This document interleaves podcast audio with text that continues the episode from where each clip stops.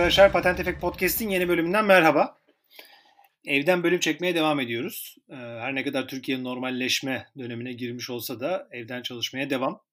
Bugün Twitter'dan başlayan güzel bir e, muhabbetin sonrasında Ozan Sönmez'le birlikteyiz. Değişik bir bölüm olacak. Ozan hoş geldin. Hoş bulduk, selamlar. Nasılsın, iyi misin? Ee, iyi. Ee, evden çalışmaya devam bizde de yani. Çok ben dışarı çıkmak zorunda kaldığımda gözlüyorum. Hani o kadar normalleşme isteğim henüz yok. Valla tehlikenin geçtiğini düşünmüyorum yani. Bu kadar çok çabuk normalleşmenin nedeni ekonomiyi toparla, toparlama çabası sanırım. Çok doğru. Yani rakamlar günde yaklaşık bin kişi hala e, hastalanıyor. E, hala İstanbul'daki kurumlarda e, şeyler var. Çalışanlarına yani şöyle bir şey oldu bizden şu hastalandı aman dikkat edin e-mail'lara gidiyor. E, dolayısıyla çok da dışarı çıkıp hele sosyal mesafe korumadan maskesiz falan takılacak bir durum yok ortada yani. Bence de aynı, aynı fikirdeyim. Dikkat etmemiz gerekiyor. Ee, o zaman vakit ayırdığın için çok teşekkür ettim. Davet için ee, ben teşekkür ederim. Ne demek? Şimdi seninle bugün akademik girişimcilik konuşacağız. Senin de tecrüben olduğu itibariyle. Hı hı. Ee, ama öncesinde seni tanımayanlar için, seni herkes tanıyor gerçi bu alanda ama e, Ozan Sönmez kimdir, nelerle uğraşır? Bize böyle bir bu timeline'ı bir e, kısaca özetlersen karışıklıklarını ve benim de o aralarda kaybettiğim bilgileri toparlayabilirim ben. Süper. Ben bir ortadan kaybolunca şey oldu tabii. Ee, ben İzmirliyim. E, Borno Anadolu'dan mezun olduktan sonra e, hasbel kadar ODTÜ iktisata girdim. Hasbel kadar dememin sebebi de hani iktisatla işletme arasındaki ya da uluslararası ilişki arasındaki çok farkı bilincinde olmadan yaptığım bir hareket bana çok benlik bir e, şey kazandırdı, derece kazandırdı. E, iktisattan sonra akademisyen mi olayım e, diye kafa patlatırken çünkü orada da teaching assistant'tım ben. İktisat tarihi üzerine falan ben çalışıyordum. E, bir vesileyle denetim danışmanlık şirketlerinden birine girdim. Deloitte'a girdim. Deloitte'da e, büyük şirketler, konsolidasyonlar vesaire yaparken İstanbul Bilgi Üniversitesi'ni denetlemeye başladım. E, o niye önemli? Çünkü daha sonradan o deneyim bana İstanbul Bilgi Üniversitesi'nin finans ve raporlama alanında yöneticilik pozisyonunu açtı. E, Bilgi Üniversitesi'nde çalışırken de e, yüksek lisansımı yaptım Bilgi'de. Aslında benim girişimcilik tarafına geçmem işletme yüksek lisansındaki e, Entrepreneurship and Small Medium Enterprise Management aslında KOBİ yönetimi ve girişimcilik dersine yine ODTÜ'deki nasıl teaching assistantsam Bilgi'de de teaching assistantlık yapmaya başladım ben. Ve o dönem 2011 civarı e, 2000 pardon 2007, 2008, 2009 dünyada girişimcilikle alakalı yeni metodların falan çıktığı bir dönem. Çünkü ondan önce KOBİ yönetimi dersinde ne veriyorsun? İş planı yazmayı veriyorsun. Predictable işlerin yönetimi idi girişimcilik o dönemde.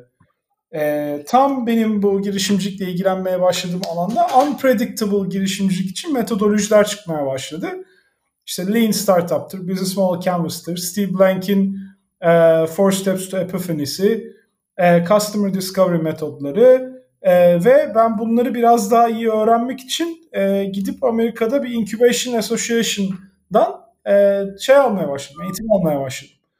E, Amerika'daki bütün büyük üniversitelerin e, kendi kuluçka merkezleri yöneticilerinin aldığı eğitimleri aldım.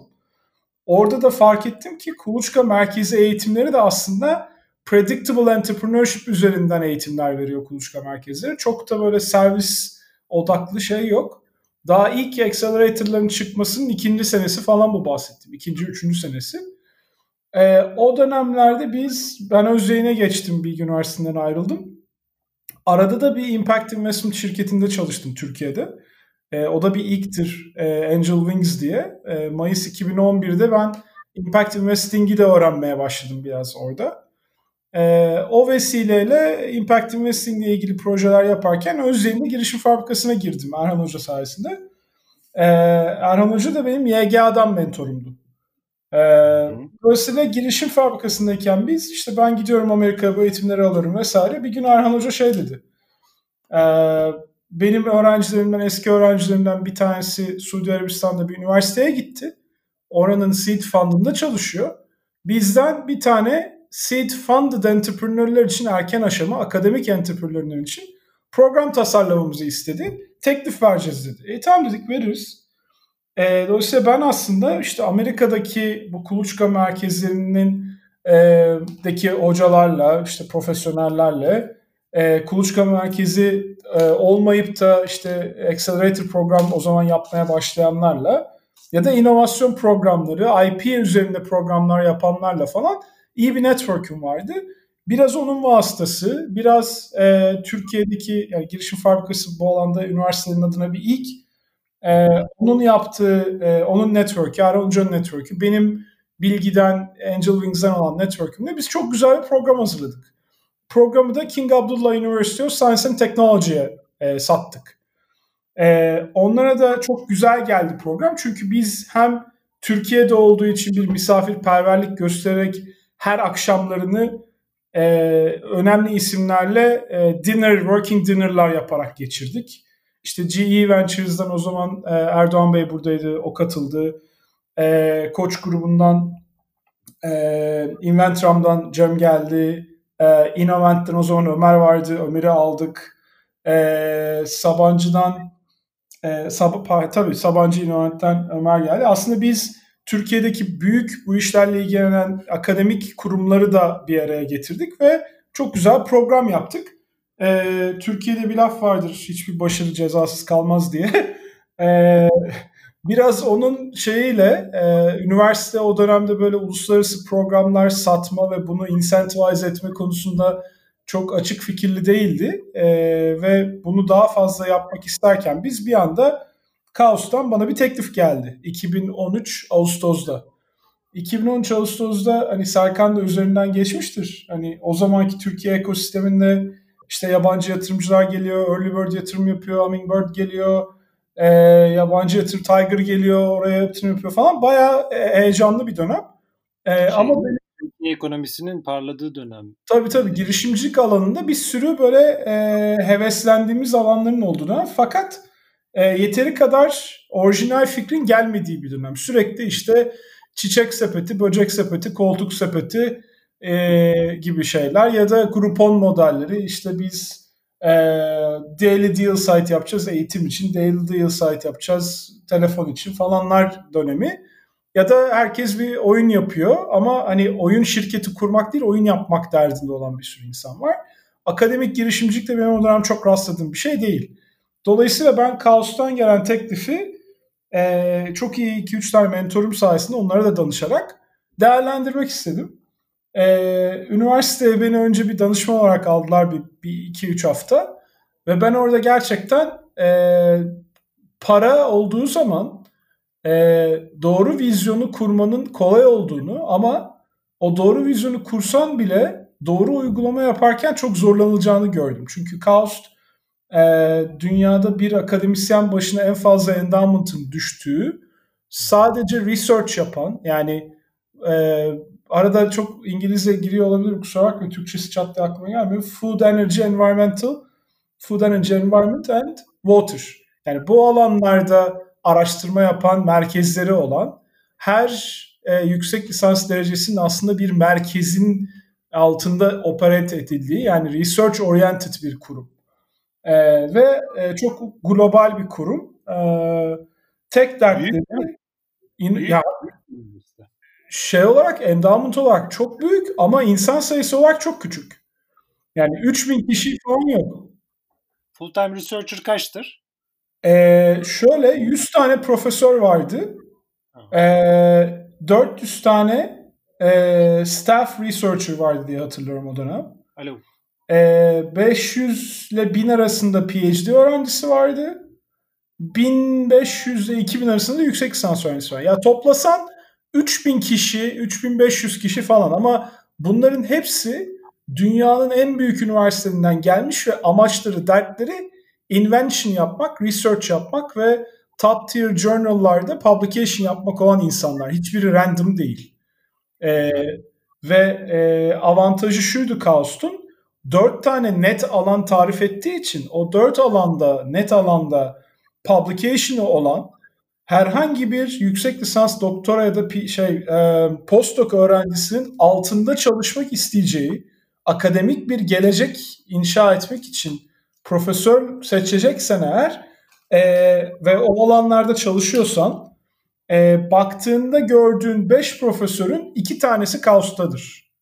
Yani atıyorum bu çok nanoteknoloji bakacaksan 5 e, tane hoca arıyorsan altında çalışacak dünya çapında top tier e, academic journal publication olan iki tanesi kesin kaostadır. En az iki tanesi. E, renewable energy çalışacaksan e, yine öyle. E, desert, water, nanoteknoloji ve aman, gene editing çalışacaksan keza gene öyle. E, inanılmaz yani çok net alanlarda çok önemli hocaları e, Kaos kendi bünyesine kattı. Çünkü hocaların da tek derdi ne? Gerçekten Türkiye'de olmayan şekilde aslında ders anlatmak gibi bir dertleri yok. Sadece öğrencilerle beraber research yapma dertleri var. Ve e, ben onlara beyaz köle diyorum, akıllı beyaz köle. E, PhD öğrencisi, postdoc öğrencisi, yüksek lisans öğrencisi. Bir hocaya bunlardan yeteri kadar verirsen ve e, bunları e, istediği research alanlarına yönlendirmesi için gerekli bütçeyi verirsen, istediği ekipmanları verirsen, dünyada gitmek istediği kongrelerin sayısını e, kısıtlamazsan ve istediği kadar bütçe verirsen bununla alakalı hocalar için bir cennet bir yer. Yani akıl alır cennette bir yer değil. Hatta çok başarılı Türk hocalarımız da var orada.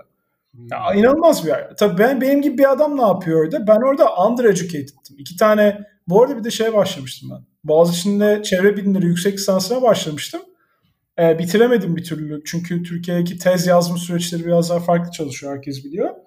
E, ben çalışan bir profesyonel olarak ve kendi alanımda çalışmayan yani çevre bilimleri alanında çalışmıyorum. Ben finans, girişimcilik çalışıyordum. E, zorlandım test süreçlerinde. Yüksek lisansı bitirdim ama tezi yazamadım. Öyle olunca da bıraktım.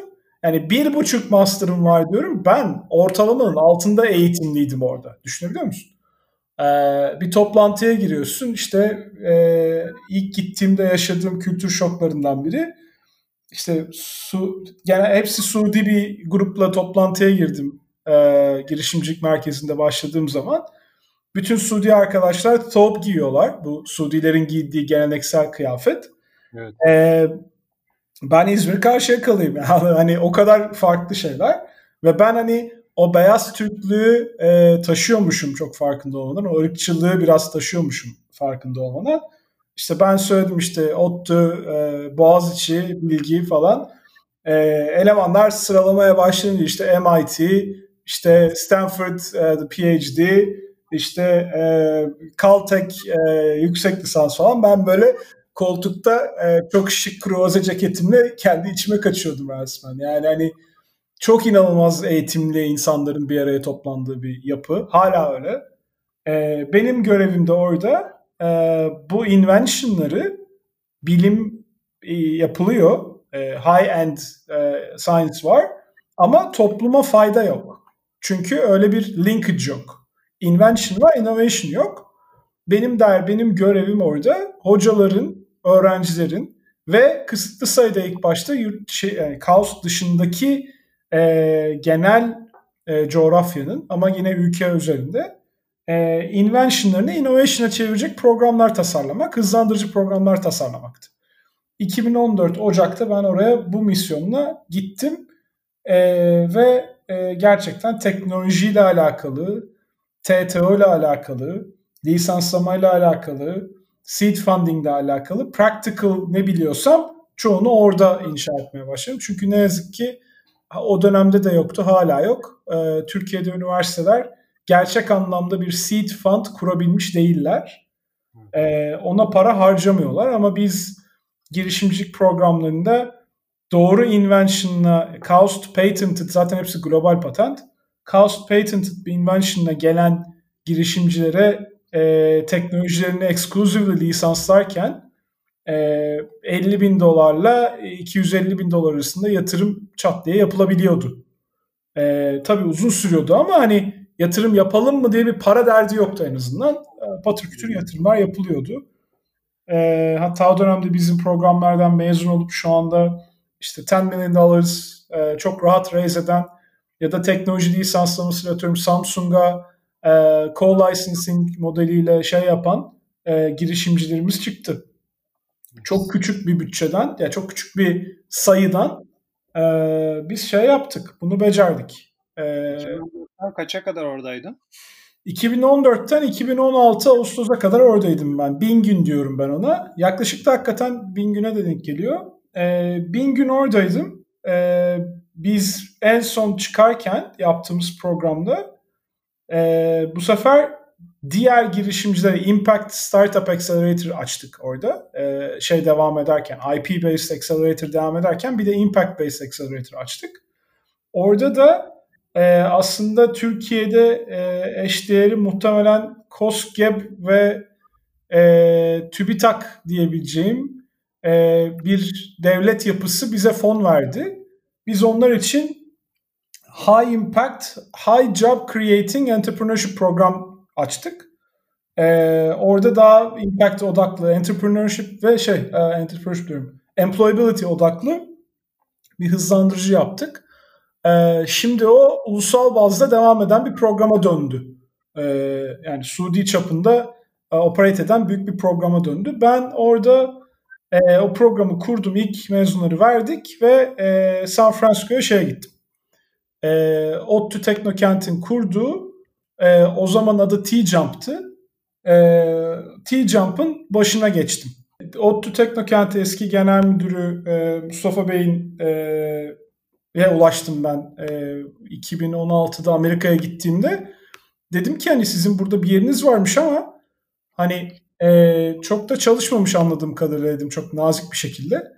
O da dedi ki evet çok çalışmadı çünkü e, Ankara'daki Teknokent nasıl çalışıyordu? San Francisco'daki Teknokent'in ofisinde öyle çalıştırmaya e, gayret etmişler ilk başta. Coworking ve space odaklı bir şey yapmışlar. Program yoktu çok. Ben dedim ben burayı run ederim ama hani program yaparak run ederim ve yatırım yaparak run ederiz. Öbür türlü zaten buraya Türkiye'den girişimci gelip de San Francisco'da iki hafta, üç hafta kadar hiçbir şey olmaz dedim. Bu arada orada işe gireyim diye de söylememiştim ben bunu aslında. Hatta birisini aradıklarını da çok bilmiyordum. Ee, sadece ODTÜ'lüyüm. Hani ODTÜ'nün yaptığı bir şeyin San Francisco'da bir eğitime gittiğimde çok da çalışmadığı şikayetini duydum başka Türk arkadaşlardan. Dedim ki hani düzeltilsin bu o kadar da atla deve bir iş değil yani hani düzgün bir global hızlandırıcı açmak tecrübeli bir insan için çok zor değil.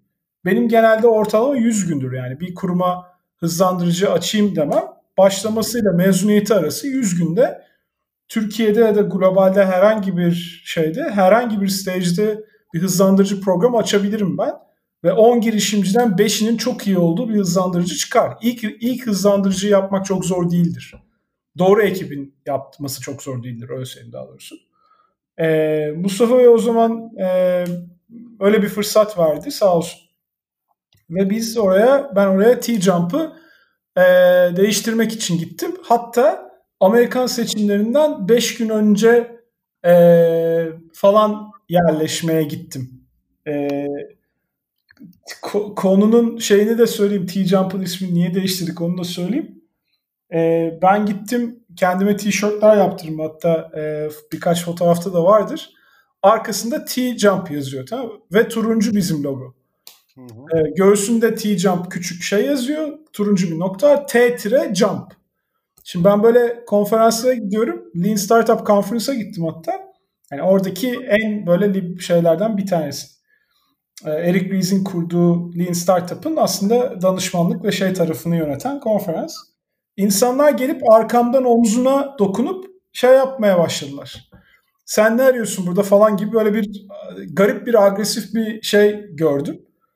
Dedim hani ben geldim hani niye dedim bir terslik mi var? Hani atıyorum becimimi bir yanlış bir yerde tutuyorum falan diye. E, dert şey e, uzaktan bakınca e, bunu mesela karşılıklı konuştuğum insanlar da göğsünde ne işaret var falan diye sormaya başladılar. Daha böyle nazik olanlar diyeyim. Meğer şey algılıyorlarmış. T jump bir de turuncu. Ne okuyor abi bunu? Uzaktan bakınca. Tahmin et. Uzaktan bakınca. T jump. To jump. To jump. Bir Amerikalı bunu abi Trump diye okuyor. Hadi ya. algıda o kadar e, ya tam seçim zamanı yani. Hani 5 gün sonra seçim var. Ve Kaliforniya'dayım. E, ben böyle bizim logonun algıda Trump'la eşleştiğini görünce daha gitmemden bir hafta sonra hemen hemen Mustafa Bey ve İlknur var hala Türk şey e, Growth Circuit'ta. Mustafa Bey ile İlknur'a şey dedim. Biz dedim ismi kusura bakmayın dedim. Ben biraz hızlı hareket ediyorum biliyorum. Garip gelecek size onu da biliyorum. Ama benim hani şeyim değil. Hani benim kendi kararım değil. Bizim bu ismi değiştirmemiz lazım dedim yani. Dalga geçtiler. Yani. Olur mu dedi. Daha hani daha körfeze ulaşmadı şeyin. Ne alaka? Niye ismi değiştirelim? Biz kaç senedir orada o isimle duruyoruz. Bir dedim kimse burada bizim ne yaptığımızı bilmiyor. Çünkü hiçbir şey yapmamışız düzgün.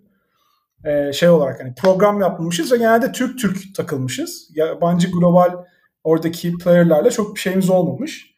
Bir dedim öyle bir brand awareness'ımız yok burada.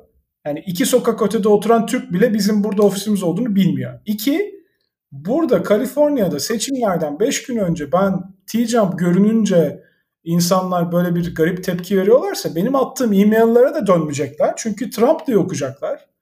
E, dolayısıyla da dedim ki bu iş şey değil. Burada o algıyı yenemeyiz biz dedim. Hani bir network yaratmak istiyorsak Trump network'ü gibi bir network'e çıkar. Burada başarılı olamayız dedim. Ben bunu bilmiyordum buraya gelene kadar. Öğrendim. Mustafa Bey çok büyük bir hata yaptı şeydi. Zaten Trump kazanamayacak merak etme unutulur dedi. Unutulmazsa da düşünürüz dedi tamam mı? Ve o haliyle sonra başımıza e, şey geldi, bir iş geldi. Evet. Ve ben bir hafta, iki hafta sonra şey yapmaya başladım. Mustafa Bey'le ilk duru taciz etmeye başladım. İşte ne zaman ismi değiştiriyoruz, ne zaman ismi değiştiriyoruz, ne zaman ismi değiştiriyoruz diye. Velhasıl kelam uzun sürdü ama şu anda e, Türkiye'nin en fazla erken aşama yatırım yapmış son 3 senede Türkiye'de en fazla adet olarak ve miktar olarak e, pardon adet olarak miktar şimdi değişebilir onun yorumu e, yatırım yapmış e, gerçek hızlandırıcı programını kurduk Growth Circuit e, Accelerator olarak. Hala e, devam ediyor burası. Hala devam etmiyor yatırım yapmaya benim bildiğim. E, şöyle farklı bir yorumla belki devam ediyor öyle anlatayım bir hızlandırıcının e, gerçek anlamda bir hızlandırıcı olması için bu Global Accelerator Network'ün e, şeylerine girebilmesi için mesela network'üne girebilmesi için fixed investment term gerekiyor. Yani senin giren adama ben şu kadar yatırım kesin yapıyorum demen lazım. Eğer bunu demiyorsan hiçbir ciddi kurum senin hızlandırıcı olduğuna inanmıyor. Türkiye'de yapıldığı gibi biz Growth Circuit kurarken e, galiba bir tek Starter Sub bunu yapıyordu. İçeri aldığı girişimcilere kesin garanti para veriyordu. Belli tranşlarla veriyordu ama girdiğin anda bir para alıyordun. Onu da biz e, şu yüzden yapmak zorunda kaldık ve zaten doğrusu o ayrı konuda. Amerika'da biz girişimcileri global Türk dediğimiz girişimcileri seçip Amerika'da büyümelerini sağlamak için kurulduk. Oradan Udemy hikayeleri yaratmak için kurulduk aslında. Evet. ODTÜ'nün içinden Udemy çıktı. Ee, büyük bir başarı. Demek ki burada böyle bir geniuslar var. ODTÜ'yü geç. Türkiye'de böyle bir şey var. Biz bunları o level'a getirelim amacıyla, misyonuyla kuruldu. Ee, ODTÜ Teknokent'in Amerika ayağı. Ee, ve biz herhangi bir şekilde o programdan mezun olanlara e, para vermiyor olsaydık Amerika'ya gittiğinde tanıştığı yatırımcılara şunu soruyordu yatırımcılar Nereden geliyorsun? Türkiye'den. O bir eksi zaten. E, vizen şeyin var mı? Çalışma izin var mı? Green Card'ın var mı vesaire? Yok. E, ne yapıyorsun? Çok güzel teknolojik bir şey yapıyorum. Ben 3 senedir develop ediyorum ki hani uzun sürüyor Türkiye'de biliyorsun. 3 senedir develop ediyorum. Bir hızlandırıcıdan mezun oldum. San Francisco'ya geldim. Tamam diyor. Ne kadar fundraise ettin? Ikmık. Çünkü normalde şu anda da yapılan bir sürü program var. San Francisco'ya götürdüğü çoğu girişimci hiçbir seed funding yok. E öyle olunca Amerikalı adam diyor ki madem bu kadar promisingsin, madem Türkiye bu kadar büyük bir ülke, orada şey algısı var. Türkiye küçük bir ülke değil, nasıl sen para bulamadın diyor adam, yatırımcı. Evet. Ve Lok, bir, lokalinden, lokalinden para bulamadan burada nasıl Aynen öyle. Ve orada şey çok algı çok tamamen negatife dönüyor. There is something wrong with this diyor. Ve bunu biz ilk başta programı kurgularken e, çok ikna etmeye gayret ettik. Çünkü e, Türkiye'de hiçbir kurum para kaybetmek istemiyor. Okay? Ama ODTÜ yatırımcı olsa bile e, orada o kaslar çok kuvvetli değil. Yani failure kasları çok kuvvetli değil kurumların Türkiye'de. Ve şeyi anlattığımız zaman hani 10 tane seçeceğiz götüreceğiz ama bazıları başarısız olacağı çok algılanmaları kolay olmuyor üniversite tarafında bu fonun e, yönetimiyle ilgilenen e, yapıların. Nasıl yani diyor. Onunu da başarılı yapamaz mıyız? Tamam biz uğraşırız ama çok erken aşama it's not my call yani. Ben hepsini e, hani Amerika'da şey kingmaker derler. I'm not the kingmaker yani. Hangisinin ne yapacağını bilemeyiz. Biz sadece düzgün bir brandingle düzgün bir structure'la bunları Amerika'ya getirip oradaki iyi bir network kurarak başarılı olmalarını sağlamaya çalışabiliriz. Düzgün brandingden kastım da şu. Biz UC Berkeley ile bunu da çok Türkiye'de anlatamadık biz. Hani marketingin çok yapıldığını zannetmiyorum. Ee, UC Berkeley'nin e, Steve Blank'in Stanford'da Berkeley'de yaptığı Lean Startup, Lean Launchpad programını Türkiye'ye getirdik. Ve bizim mezunlarımız Pre-Accelerator yaptık UC Berkeley ile. O Pre-Accelerator'a giren girişimcilere e, global bir branding verdik. Üzerine para verdik.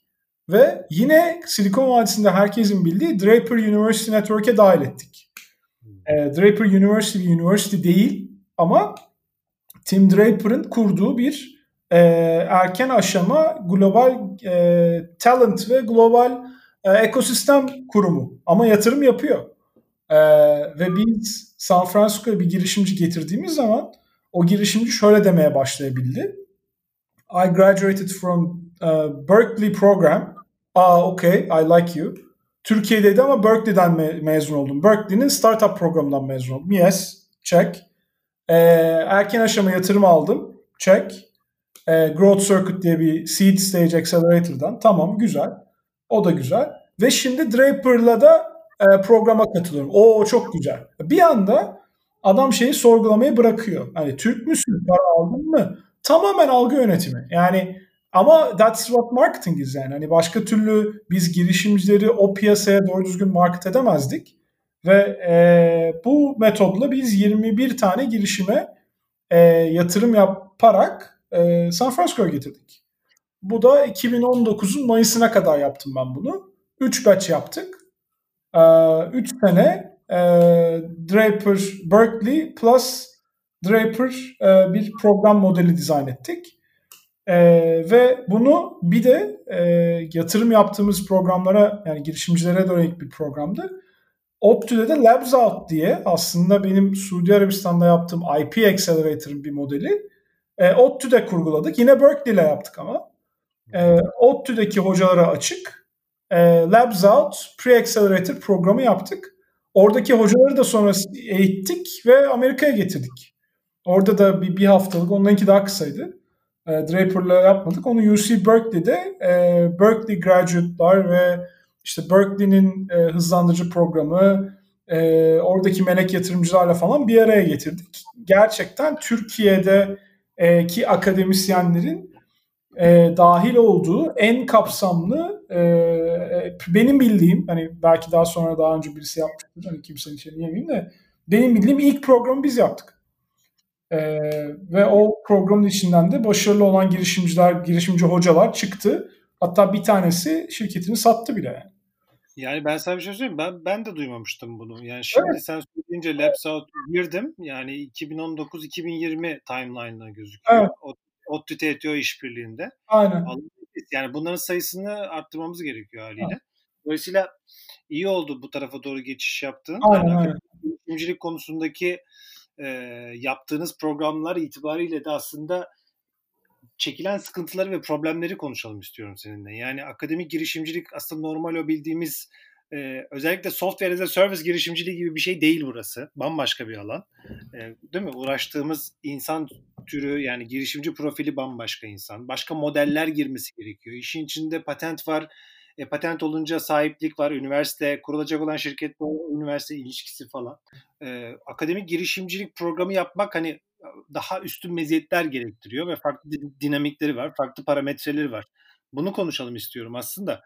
Ee, normalde hani bizim aşina olduğumuz o software as a service girişimcilik çok öte bir e, parametreler içeriyor. Burada hem akademisyenin kendi profili itibariyle hem onun ihtiyaçlarının farklı olması hem e, çıkacak olan ürünün deep tech olmasından kaynaklı olarak burada senin gördüğün en önemli problemler yani çözülmeyi bekleyen en önemli problemler neler diye sorsam yani bir akademik girişimciliğin bir üniversite nezdinde, bir TTO nezdinde başarılı olabilmesi için e, hangi problemleri çözmesi lazım sence üniversitenin ve akademisyenlerin? Ee, süper şey yani tespitlerin hepsi doğru. Yani normal bir hızlandırıcı yaptıktan sonra gidip de pat diye akademisyenlere program yapabiliyor olmak pek mümkün olmuyor. Ben Kaos'ta bunları öğrenmemiş olsaydım Labs Out'u o kadar kısa sürede launch edemezdik zaten. Ee, orada yani zaten hani ODTÜ'de iktisat okudum. Oradaki scarcity e, bütün makro mikro iktisatın şeyidir. Scarcity'den başlamak lazım. Yani nerede scarce şeyler var orayı nasıl optimize ederiz? Birincisi resource e, scarcity var. Yani ne o resource'tan kastım ne? Kaynaklarda akademis, akademik tabanlı girişimcilere giden kaynaklarda büyük bir eksiklik var, boşluk var. Bu üç kaynak var. Bir, zaman, iki, insan, üç, para. Zamansal olarak Türkiye'deki akademisyenlerin üzerinde çok ciddi bir ders yükü var. Ee, ve Türkiye'deki akademik yapı e, ders yüklerinin getireceği bir çıktıyı invention'ın, innovation'ın getireceği bir çıktıyla değiş tokuş yapamıyor. Yani hocalar ben 20 saat değil de 5 saat ders vereyim ama 15 saatte ekonomik değer yaratabilecek bir araştırma yapayım, bir startup'ımla ilgileneyim dediğinde e, basit çıktı şeyi output olarak bu üniversite için yeterli gelmiyor ve bunu aynı şekilde kompanse edemiyor. Ve diyorlar ki ay çok güzel sen girişimci bir hocasın. Ne olacak canım dersini de ver, girişimciliği de çocuklar yapar. İşte yüksek lisans öğrencine ver, doktor öğrencine ver. Dolayısıyla Türkiye'deki akademiyada research mi yapayım, ders mi vereyim? Böyle bir ikilem var. Ve e, hele bir de bunun üzerine research'ün de üstünde aslında o yaptığı araştırmayı ticarileştirmesi yükünü koyduğun zaman yani akademisyenlerin çoğu bizim benim çalıştığım şeydi yani hangi birini yapacağım hocam diyor. Tamam muhteşem bir invention patentlenmiş hani ondaki problemleri geçiyorum. Ama diyor ki ben bunu yapacak vaktim yok diyor. Benim yüksek lisansta şu kadar öğrenciye, doktora da bu kadar öğrenciye bakmam lazım. İşte lisansta bu kadar ders veriyorum. Bir de merkez yöneticisiyim. E, merkezin de bir sürü şeyini yönetmek zorundayım. Ben ne ara gideceğim de customer discovery yapacağım diyor hoca. Haliyle. Haklı. E, biz de diyoruz ki hocam hani illa ki siz girişimci olarak şirketi yönetmek zorunda değilsiniz. Ama içiniz yani beraber çalıştığınız bu araştırmayı yaptığınız doktora, postdoc ya da yüksek lisans öğrencilerinden yönlendirelim işin customer discovery ve entrepreneurship tarafıyla onlar ilgilensin diyorum. E, o da diyor ki onlar akademisyen olmak istiyor. Onlar girişimci olmak istiyor olsalar bende ne işleri vardı diyor. Dolayısıyla orada bir resource allocation problemi var. E, yani invention yapanlar çoğunlukla uh, innovation'a gitmek istemiyorlar. Çünkü öyle bir mindset Türkiye'de çok rol model yok. Yani birine ve yapsınlar diyor. Evet tamam yani T, şimdi şeyi de karıştırıyorlar mesela. E, TTO bunu lisanslasın işte diyorlar. Hocam diyorum bakın TTO'lar dünyanın hiçbir ülkesinde doğru düzgün lisanslama yapamıyorlar artık. Ya sponsored research yapıyor TTO'lar bunu bulmakla yükümler. Dolayısıyla satış işine döndüler. Ya akademisyenlerin yeni bir şeyler bulma becerilerini pazarlıyorlar büyük kurumlara. Sponsored research parası buluyorlar. Dolayısıyla aslında oradan çıkan research'ün ticarileştirmesini parayı veren kurum zaten otomatik hakkını almış oluyor. Ya da e, bir sürü patent senelerce hatta baş yani ne zaman baksan e, ticarileştirilmemiş zilyon tane patent var. Dolayısıyla TTO modeli e, invention'a giden yolda çok yavaş bir model. E, medikal alan hariç. Medikal alan bambaşka bir şey. E, yani medical research hariç üniversitedeki e, buluşun ticarileşmesi gerçekten sadece Türkiye'de değil dünyanın her yerinde problem. Zaten bu Steve Blank'in e, yaptığı işte NASA ile yaptığı e, Department of Defense ile yaptığı ve şu an mesela ben inşallah mentor olacağım. Stanford'ın bu sene e, Hacking for e, New Hack, Hack for Recovery diye bir program açıyor Stanford şu anda. E, sadece Stanford öğrencilerine ve e, Stanford mezunlarına açık. ben Stanford'dan bir eğitim aldığım için orada mentor olma ihtimalim var. Hala sayıyı bekliyoruz. Orada bu modellerin gelişmesinin sebebi aslında ticarileştirmenin daha hızlı yapılmasını sağlamak. Sadece pure software as a service ya da atıyorum hani high growth unicorn programları değil bunlar. Özellikle Stanford'dan ve Berkeley'de yapılan programların odağı akademisyenlerin daha çabuk program çıkartması, daha çabuk invention'ı, innovation çevirmesini sağlamak. Doğru. Bu ee, noktada bir ekleyeyim mi? Tabii tabii. Şimdi dedin yani TTO modelinde hani mevcuttaki portföydeki patentlerin lisanslanması çok zor e, diye. Evet çok zor. Bunu bir rakamla e, seni şey yapıp e, sana sözü tekrar vereceğim. Sizin Kaos'taki Teknoloji Transfer Ofisi'nin şimdiki e, direktörü Kevin var. Evet, aynen. Kevin, Kevin der ki Avrupa'da e, bir TTO'nun e, toplam yıllık gelirin içerisinde patent lisanslamasından, doğrudan patent lisanslamasından elde ettiği gelir toplam gelirinin %2 ile %5'inden fazlası değil. Al işte.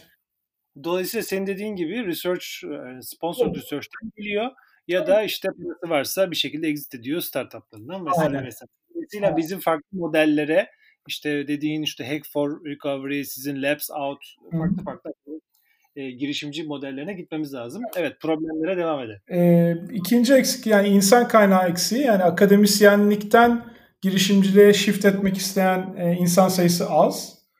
E, Türkiye'de zaten hala galiba yasal olarak e, çok esnek değil. Herhangi bir akademisyenin şirket kurup bunu e, kendi çalıştığı üniversiteden kendi ürettiği teknolojiyi lisanslayıp şey yapması. Teknopark'ta kurabiliyor bu ya, bu yasa. Bir tek Teknopark'ta kurabiliyor tamam. Ee, problemleri var. Tabii. Ee, bir de e, TTO'lar da e, kendi o teknolojiyi bir startup'a lisanslamayla atıyorum Vestel'e lisanslama arasında bir farklı bir model uygulamayı çok beceremiyorlar mı diyeyim, seçmiyorlar mı diyeyim, önemsemiyorlar diyeyim. O chapter'a daha henüz gelemedik TTO'da. Yani önemsemiyorlar diyeyim de hani TTO'da çalışan arkadaşlar, yöneticiler kızmasın. Ee, yani kızarlarsa da kızsınlar. O da ayrı konu da. Aynen. Yani yapmaları gereken şey biz mesela Kaos'ta bunu yapmamız iki sene sürdü. Yani TTO ben işe girdikten ikinci senede biz artık standart bir licensing agreement çıkarttık. Ve bizim programa girerse hoca bizim programdan mezun olursa sadece yani o customer discovery yaparsa pilotla alakalı bir şey yaparsa vesaire dedik ki bu teknolojiyi sana exclusive olarak license yapma hakkını biz sana bu program mezuniyetinde veriyoruz. Artı programdan mezun olursan da 50 bin dolarla 100 bin dolar seed fund almaya hakkın var dedi. Harika. Yani aslında bu işe eline koyacak olan, elini taşın altına koymak isteyen akademisyen sonrasında üniversiteyle nasıl bir deal'a gireceğini bilecek. Evet, aynen öyle. Mesela Türkiye'de yapamadığımız şey oydu. Bizim programdan mezun olan hocalara en çok sorduğum soru TTO'dan elinizde bir licensing agreement var mı? E, henüz yok. E, biz Amerika'ya götüreceğiz sizi. Licensing agreement'ınız yoksa TTO'nun pazarlamasını yapıyor olacaksınız o zaman dedim. Amerika'da hasbel kadar çok ilgili bir hoca bulduk diyelim ki ya da çok ilgili bir yatırımcı bulduk. Siz gittiniz, siz sundunuz. Customer Discovery'de siz yapmışsınız ama o teknolojiyi kullanma hakkınız yok. Adam evet, gidip de zaten. Aynen öyle. Adam gidip de şey yapsa hani gene TTO kazanıyor. Hani onda bir derdimiz yok ama yani TTO'nun lisanslama pazarlaması için biz kurmadık ki Labs Out'u. Biz TTO'nun startup'a lisanslaması o startup'ın büyümek için yatırım araması için kurduk. Öbür türlü it's a different program yani. O öbür türlü IP licensing marketing program yani. Bizim derdimiz o değildi. Ve hocalar burada çok sıkıntı yaşadılar. Doğru. Burayı hani çok e, hakim olmayanlar için şöyle bir top top toparlamak Sen anlatırsan herkes anlar. Bir, bir akademisyenin kendi üzerindeki patenti veya üniversiteye ait olan bir patenti üzerine inşa etmek istediği bir şirket, bir spin-off şirket tüzel kişiliğe büründüğü zaman o patentli teknolojiyi ticaretleştireceği için o üniversiteyle bir e, lisanslama veya devir anlaşması yapması gerekiyor ya da e, lisanslamayla birlikte bir de kuracağı şirkete üniversite ne kadar ortak olacak veya ne koyacak ne koymayacak bunların hepsinin tartışması gerekiyor. Dolayısıyla dediğin noktada bunlar bizde eksik Türkiye'de. Dolayısıyla akademisyen bir şirket kurdur, kuracağı zaman üniversitenin ondan ne kadar royalty isteyeceğini bilmiyor. Çünkü belirlenmemiş. Case by case değişecek olay. Yani üniversite bir anda ben e, %50'den %50'den fazla isterim. Ya da sen bir şirket kurarsan yarısı benim olur diyebilir. Yani rektör değişebilir. Dolayısıyla böyle bir şeyler yok. Paketler yok. Bir modeller yok. Orada onlar benim tespit ettiğim sıkıntılar. Aynen. Bir de sonuçta şey gibi düşünüyor. Yani TTO'nun görev tanımı içinde teknolojiyi bir şirkete lisansla var. Şimdi eğer bu mandate'te ayrı bir kalemle oradaki çalışan insan empower edilmezse oradaki çalışanın kağıt üstündeki görevi Vestel geldi teknoloji yani neyse yani hangi kurum olursa olsun geldi bizden bir teknoloji lisanslamak istiyor. Teknolojiyi yaratan patentin sahibi olan hoca geldi o teknoloji lisanslamak istiyor kendi kurduğu şirketle. Bunların ikisinde bir fark gözetemiyor oradaki TTO kendi görev tanımı gereği. Ve diyor ki yani Vestel'e ne fee istiyorsa Vestel'den kendi costlarını recover etmek için e, aynısını startup'tan istiyor. Hoca da diyecek ki normalde ya ben daha ben senin hocanın invention'ı ben yapmışım. Benden 70 senelik şirketin milyon dolarlık yani milyar dolar değeri varsa öyledir de bilmem kaç milyon dolarlık şirketin e, den istediğin aynı para istiyorsun diyor. Ben nasıl yapayım ki bunu diyor. E, bunu başına geleceğini bildiği için de ha, ben bu girişimcilik işleriyle ilgilenmek istemiyorum. TTO'ya veririm lisansı. Ne yaparsa yapsın nasıl nasıl olsa royalty'nin üçte biri benim diyor. Yani e, e, öyle olunca da akademik entrepreneur çıkartmak hakikaten çok zor. Çok zor oluyor. Evet. E, bununla alakalı bir e, istatistik vereyim, üzerine devam edelim case'le birlikte. Şimdi biz e, patent sahibi olan startupların e, şeyini oluştur, listesini oluşturuyoruz, patentpreneurs diye. 400 tane var şu anda. 400 tane Türkiye'de bizim tespit edebildiğimiz, tek tek manuel olarak tespit ettiğimiz en az bir patent olan startup var. Bunlardan %27'si, bu 400 tanesinin %27'si akademik şirket. 100 tanesi. More. Yok, %27'si. Kaç yapıyor işte? 100 tanesi mi yapıyor? Yani yaklaşık. Evet. Aynen. E, dolayısıyla hani bu, bu sayıyı da arttıracak e, farklı modellere ihtiyacımızın olduğu aşikar. Yani biz öbür türlü yani high tech, high growth, deep tech e, kaliteli employability, iyi maaş alan mühendis e, e, iş, istihdam edecek girişim çıkartamayız ki. Evet. Yani bunun yani dünyada da böyle. Yani yüzlerce mühendis e, rekrut etsin diyoruz. Tamam güzel. E bakıyorsun Türkiye'deki bir sürü teknoloji şirketi, teknoloji startup'ı yüzlerce mühendis rekrut ediyordur. Ama onların çoğu mühendislik degree'sine sahip ama ARGE yapmayan mühendisler. Product development yapan mühendisler. Çoğunluğunda new product development ile alakalı şey yok. Hani bu web teknolojisi dersen hani son zamanlarda AI ile alakalı, machine learning ile alakalı çalışan çok startup var. Oradaki akademik know-how ve şey gerçekten çok önemli. Pazarda bir rekabet üstünlüğü yaratabilecek bir akademik şey var. E, ama onun dışındakilerin rekrut ettikleri mühendisler pazarda ürünle alakalı rekabet avantajı yapabilecek ürünle çalışmıyorlar ki. Satışla alakalı çalışıyor. Atıyorum product'ın dizayn ile alakalı çalışıyor. Hardcore teknolojiyle alakalı mühendis rekrut eden çok fazla şirket yok ne yazık ki. E o zaman en iyi, mühendis, en iyi mühendisler de yurt dışına kaçıyor. Yani simple as that yani. Evet. Şimdi o zaman son 10 dakikamızı da şu MIT Ford case'ine yani bu podcast'te vesile olan case'e ayıralım e, istiyorum. Ee, bilmeyenler için Twitter linkini de zaten podcast'in açıklama kısmında paylaşacağız. Şimdi bir MIT ile Ford arasında bir patent ihlal davası paylaşmıştık. Ozan da oradan 10 madde miydi? 11 madde mi ne? Akademik girişimle ilgili tespitlerini anlatmıştı ki hepsinin üzerine imza atar duvara asarım. Onu da söylemiştim zaten.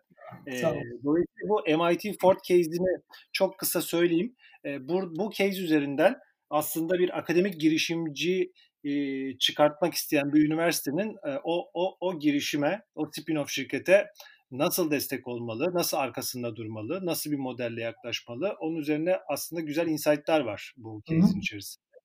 Şimdi özetle MIT'ye ait olan bir patent var. Bu patent benzinli motorların verimliliğini arttıran yeni bir yakıt yönetim sistemi. tescilli bir Amerikan patenti. Ford'la daha önceden bir discussion'a girmişler, bir müzakereye falan girmişler ama belli bir aşamada Ford ben bunu kullanmayacağım demiş. Sonra MIT e, bu patentteki buluşçu şirketlerin, buluşçu hocalarının kurduğu Ethanol Boosting System adındaki spin-off şirkete bu patenti lisanslıyor. Ve lisanslarken de alt lisans haklarıyla birlikte ve e, herhangi bir ihlal davasında da ihlal davası açma yetkisiyle birlikte bu spin-off şirketine e, lisanslıyor. Tabii ne kadar royalty aldığı veya ne kadar bir e, hisseyle de bir anlaşma yaptılar bilmiyoruz. Sonra Ford bunu kullanmış bu teknolojiyi ve Ford'un kullandığında tespit ediyorlar ve MIT ile birlikte MIT'nin kendi spin-off şirketi Ethanol Boosting System birlikte Ford'a ihlal davası açıyorlar. Muhteşem Şimdi, hikaye. Muhteşem hikaye. Yani burada üniversitenin spin-off şirketin arkasında durmasını mı konuşursun? Hı-hı. Ona lisanslarken ona e, ihlal davası açma yetkisini vermesini mi tartışırız? Hı-hı. Yani birçok e, konuşulması Çok. gereken e, parametre var. Senden de dinlemek isterim görüşlerini. Yani Twitter'da yazdıklarını aslında burada da bir özet özetleyebilirim. Burada benim için e, ya bu şeyi Twitter'da okuduktan sonra yani aslında sizin WhatsApp e, şeyde geldikten sonra bir dakika bu acayip kritik bir şey. Girişimcide de benim sürekli anlatmakta zorlandığım bir şey. Case'i çıktı. Ben bunu böyle bir public olarak yazayım ki 50 kere aynı şeyi girişimci anlatmayayım dediğim bir şeydi. Şimdi hikaye şu. Bir girişimci olarak evet e, patentiniz, patent sahibi olmak bana gelen girişimcilerin en çok söylediği şey bizim bir tane patentimiz var. İşte design patenti, hardware patenti, işte devre tasarımı patenti. Genelde çok deep tech geldiği zaman da işte e, research patenti. Tamam mı? Üç tane soru geliyor. Bir, tek patent sana bir competitive advantage sağlamaz. Bunun farkında mısın? Niye sağlamasın? İşte korunuyor. Şimdi patentin e, bir teknoloji patentlemenin getirdiği hakları girişimciler ya da inventorlar bile çok iyi bilmiyor. Yani ben yeni bir şey buldum ve bunun korunması lazım telaşı var. Tamam abi korunması lazım. Dolayısıyla patentlenmesi lazım. Okey. Bir, patentlemek bunun korunması için tek yol değil. Dolayısıyla niye patentleyeceksin? Çünkü bunu public etmek istemeyebilirsin. Bunu biliyor musun diye soruyorum. Hayır diyor. Üniversite bize kesin patentlememiz lazım dedi diyor. Dedim okey çok güzel bravo. Anlıyorum üniversitenin de patent başvurusu yapması bir metrik ee, ama ticari sır olarak saklıyorum bir metrik değil belki de. Dolayısıyla orada bir gol yiyor. Ama okey patent dedi üniversite bunu. Sen bunu üniversiteden lisanslayabildin mi? Tamam diyor biz onu konuştuk işte royalty yapacağız. Peki diyorum sen bu lisansladığını üniversite ihlal edildiği zaman bunu sana destek olacak mı? Niye olsun ki o benim patentim ben korurum diyor. Diyorum ki çok affedersiniz nah korursun. Çünkü bir patent davası özellikle Amerika'da protect edilmiş bir IP ise bu ya da Avrupa'da protect edilmiş bir IP ise herhangi bir şekilde herhangi bir şirket alakalı alakasız size siz benim patentimi ihlal ediyorsunuz diye cease and desist şey gönderirse eğer e sizin bunu defend etmeniz zaten yarım milyon dolar. Aynen. Yani bu Amerika'da özellikle Türkiye'de çok bilinmeyen, globalde çok bilinmeyen Amerika'da patent trolü diye bir şey var. Belki bununla alakalı chapter yapmışsınızdır. Yapmadıysanız da kesin yapın. Acayip case'ler var çünkü. Henüz yapmadık ama ara ara ben böyle söylüyorum. Ama detaylı bir bölüm çekmemiz gerekiyor. Kesin kesin. E, çünkü şeyin farkında değiller. Yani Amerika'da avukatlık masrafları haklı olduğun davayı savunmak için harcaman gereken para inanılmaz boyutlarda. Ve orada piyasayı kaybediyorsun. Aslında e, bütün girişimcilerin de deep tech ile uygulananların da Amerika'da patent sahibi olmasının önemli olmasının sebebi bu. Dünyadaki en büyük teknoloji pazarlarından bir tanesi. Teknolojiniz Amerika'daysa bir şirket kendi, sizin patentinizi ihlal edip Amerika'da bunu exploit etmeye çalışırsa yani o patentle ürün satmaya çalışırsa ve siz bunu defend edebilirseniz o şirketin size ödeyeceği para da çok yüksek. Yani patentinizi korumayı becerirseniz eğer birisinin ihlal etmesini discourage etmiş oluyorsunuz. Çok pahalı bir şey haline geliyor. Ama ters taraftan da koruyamazsanız da patent trolüne boşu boşuna 100 bin doları gömmek zorunda kalabilirsiniz. Sadece basit bir davadan kendinizi çıkartmak için. Dolayısıyla tek bir patentle e, patent çerçevesi oluşturulmadan e, ben patentim var hadi gideyim demek mümkün değil. Bir de üniversiteden alınmamış, üniversitenin korumayacağı benim girişimime ait o patent. Ben kendim yaptım research'ü. Patentlemesini de kendim yaptım. İşte gittim Amerika'ya, Türkiye'de çalıştım, şey yaptım.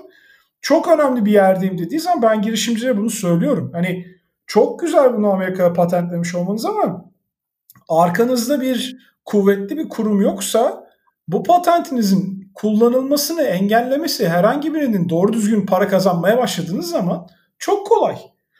Ve siz bunu yeteri kadar fund edemediyseniz, siz bununla alakalı yeteri ekonomik e, free cash flow yaratamadıysanız o patenti kullanarak, o ürününüzü satarak o patentinizin olmasının hiçbir anlamı yok.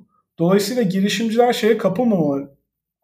Üniversitenin patentini lisanslamak ya da üniversiteden o lisansı almak evet üniversiteye bir royalty fee vermeniz gerekir ama üniversitenin e, network'ü, üniversitenin finansal kaynakları ve üniversitenin bu case'te olduğu gibi cart diye Ford'a dava açması mümkün. Ama bunu o girişimci kendi başına açamazdı. Ve kendi başına açmak için yani o şey cease and desist göndermek için 10 bin dolar harcaması lazım. Sadece bir şey göndermesi için. Bıraktım onun savunma iş aşamasını falan yani. Dolayısıyla üniversitelerdeki hocaların ve üniversite TTO'ların buna hazırlıklı olması lazım. Herhangi bir büyük kurum bunu exploit ettiğinde kendi patentini, kendi hocasını ve lisanslama sürecini sadece gelirini korumuyor orada. Aslında bütün iş modelini koruması anlamında çok ciddi kaynağı var. Ama herhangi bir startup'ın böyle bir kaynağı yok. Vur ensesine al lokmasını şeklinde bir yere düşebilir. Ee, girişimciler bunu çok bilmiyorlar ya da e, öğrenmeye de çalışmıyorlar. Yani bilmediğini de bilmediğin için nereden bulacaksın denk geleceksin. O yüzden böyle newsletter ya da bir şey denk gelirse ha bir dakika ben bunu bilmiyordum diyebilir. Benim Twitter'da paylaşmamın sebebi de oydu. Harika. Güzel bir özet oldu üzerinden de. Ee, yani bu, bu konuyla ilgili akademisyenlerimizi patentli olsun, patentli olmasın fark etmez. Ürün, ürünlerini ticaretleştirmek üzere e, normal piyasadaki var olan hızlanma programlarından farklı bir dizaynla, farklı bir programlara ihtiyacımız var. Bu noktada da üniversitenin full desteği olması lazım bahsettiğimiz konular itibariyle. Onlar bunu desteklemezlerse bizi oradan kovarlar. Kesin, aynen öyle. Dolayısıyla anlattığın şeylerin hepsine katılıyorum. Bence hem TTO çalışanları nezdinde bizi dinleyenler hem de girişimcilerle alakalı birçok bilgi vermiş olduk bence güzel bir şey oldu. İnşallah yani özellikle deep tech patent patentable teknolojilerle uğraşanların e, kesin yani farkında olmaları gereken case'ler. E, WhatsApp newsletter bence çok iyi çalışan bir şey şu anda. Oradaki case'lerin içinden hani günde 10 dakikanı ayırıp baksan e, bir girişimci olarak şey çıkabilir. E, yani inşallah Türkiye'de bu konularla alakalı e, benim hala aklımda atıyorum Aytül Hoca haricinde hem fundraise etmiş hem satış yapmaya başlamış hem e, birkaç tane farklı şirketle şey yapmış. Çok fazla e, girişimci örneği yok. Umarım e, akademisyenlerimiz içinde de üniversitelerimiz içinde de araştırma merkezleri içinde de e, ders yükü dışında ticarileştirmeyi e, en azından farkındalığını arttıracak program sayısıyla başlamak lazım. Yani bu bire cart diye olacak bir şey değil ama e, hocaların içine özellikle mühendislik gibi uygulamalı bilimlerle ilgilenenlerin içinde yüksek lisans öğrencilerin içine özellikle doktor öğrencilerin içine özellikle bu teknolojilerin inovasyona döndürülüp topluma ve ekonomiye bir fayda sağlayabilmesi kendilerine de elbette fayda sağlayabilmesinin metodları olduğunu söylemek lazım. Çoğu girişim, çoğu hoca bunu çok bilmiyor. Çünkü bizde akademiye girersin, ders anlatırsın, çıkarsın gibi bir şeye döndü. Ya da girersin labına, research'ını yaparsın. Hani akademisyenlikle girişimciliği çok aynı cümlede kullanamıyoruz ne yazık ki hala. Ee, umarım bu da e, senin, sizin şeyinize değişir, değişmeye başlar. Yani bir katkımız oluyorsa ne, ne ala tabii. Burada belki hani her şeyi devletten beklememek lazım ama belki de TÜBİTAK'ın bu girişimcilik programları biraz daha e, akademik girişimciliği de arttırmaya yönelik belki farklı destekler, farklı programlar da onlar da çıkabilirler. O da destek olabilir bu işlerin ilerlemesine. Ya, üniversiteler isterse TÜBİTAK bunlara program yaratır yani. Zaten Türkiye'de TÜBİTAK olmasa erken aşama girişimcilik diye bir şeyden bahsetmemiz mümkün değil yani. Hani TÜBİTAK şu anda ben e, bu ilk 1512 idi galiba programın adı. Yani onu vermeyi bıraksa mesela Türkiye'de doğru düzgün girişimci çıkma, çık, çıkmaz. Kalmaz yani. E, dolayısıyla TÜBİTAK bunu yapabilir ama e, üniversitedeki TTO'ların da buna açık olması lazım. Çünkü TÜBİTAK TTO'ya şey diyemez. Sen lisanslama politikanı girişimciler lehine düzelteceksin ve standartlaştıracaksın diyemez. Burada üniversitenin e, bilinçlenmesi ve üniversitenin doğru modeli kurgulaması lazım. O model kurgulanırsa o kadar fazla öğrencimiz var ki içlerinden hala şey yapan çıkar. O ihtiyaç, o, o ateşle yanan e, çıkar ama önüne e, koyacağımız e, önündeki şu anki engellerin kaldırılması lazım ki biz encourage edebilelim onu biraz. Yoksa hani dediğin gibi her şeyi devletten beklemek çok mümkün olmaz yani. Üniversitelerin önce kendi PTO'larında bunu bir standart doküman haline bile hatta nasıl safe artık standart bir doküman yatırım anlamında. Standart T, Türkiye'deki TTO'ların kendi o patent, kendi araştırmalarını lisanslamak isteyen hocalara verecekleri royalty term sheet budur arkadaş diye bir şey çıkartsın. Simple, e, simple and stupid. Hani ve bu mesela inanılmaz yol açabilir bence. Yani bunu biz bile yapabiliriz ya. Yani sonuç olarak e, evet. basit bir term sheet, basit bir term sheet'i biz evet. blog, Medium'da, Twitter'da falan yayınlayıp evet. yani insanlar kullansınlar bunu. Üzerine daha da geliştirsinler. Kesinlikle. Belki biz başka bir şey öğreniriz orada. Evet. Ya ben ben yani bir, böyle bir şey yapıyorsanız ben seve bakarım yani. Challenge accepted. Tamam süper. Bir, şey, bir TTO'ların yani TTO'lar bunu initiate ederlerse Türkiye'deki ilk 5 büyük üniversitenin TTO'su bunu okey dese zaten gerisi okey diyecek yani hani bu bu kadar basit bir şey ama e, işte keşke yapsak.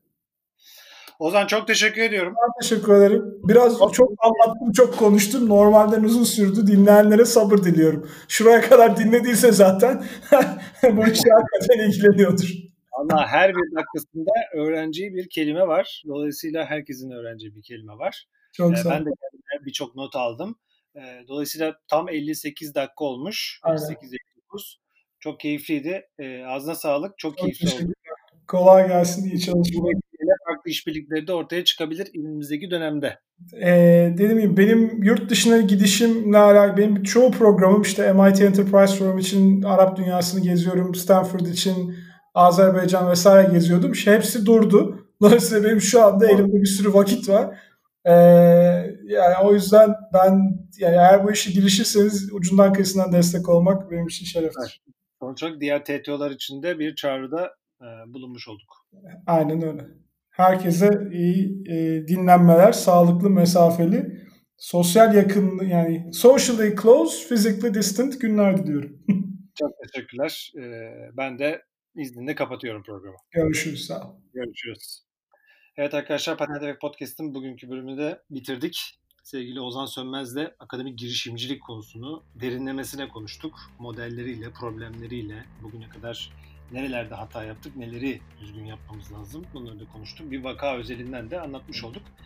Ee, bizi biliyorsunuz Twitter'a, e, LinkedIn hesaplarımızdan takip edebiliyorsunuz. Podcast'i de hem Apple Podcast, Spotify hem de Google e, Podcast üzerinden dinlemeyi unutmayın. Arkadaşlarınıza tavsiye etmeyi unutmayın diyerek diğer bölümde görüşmek üzere. Bay bay.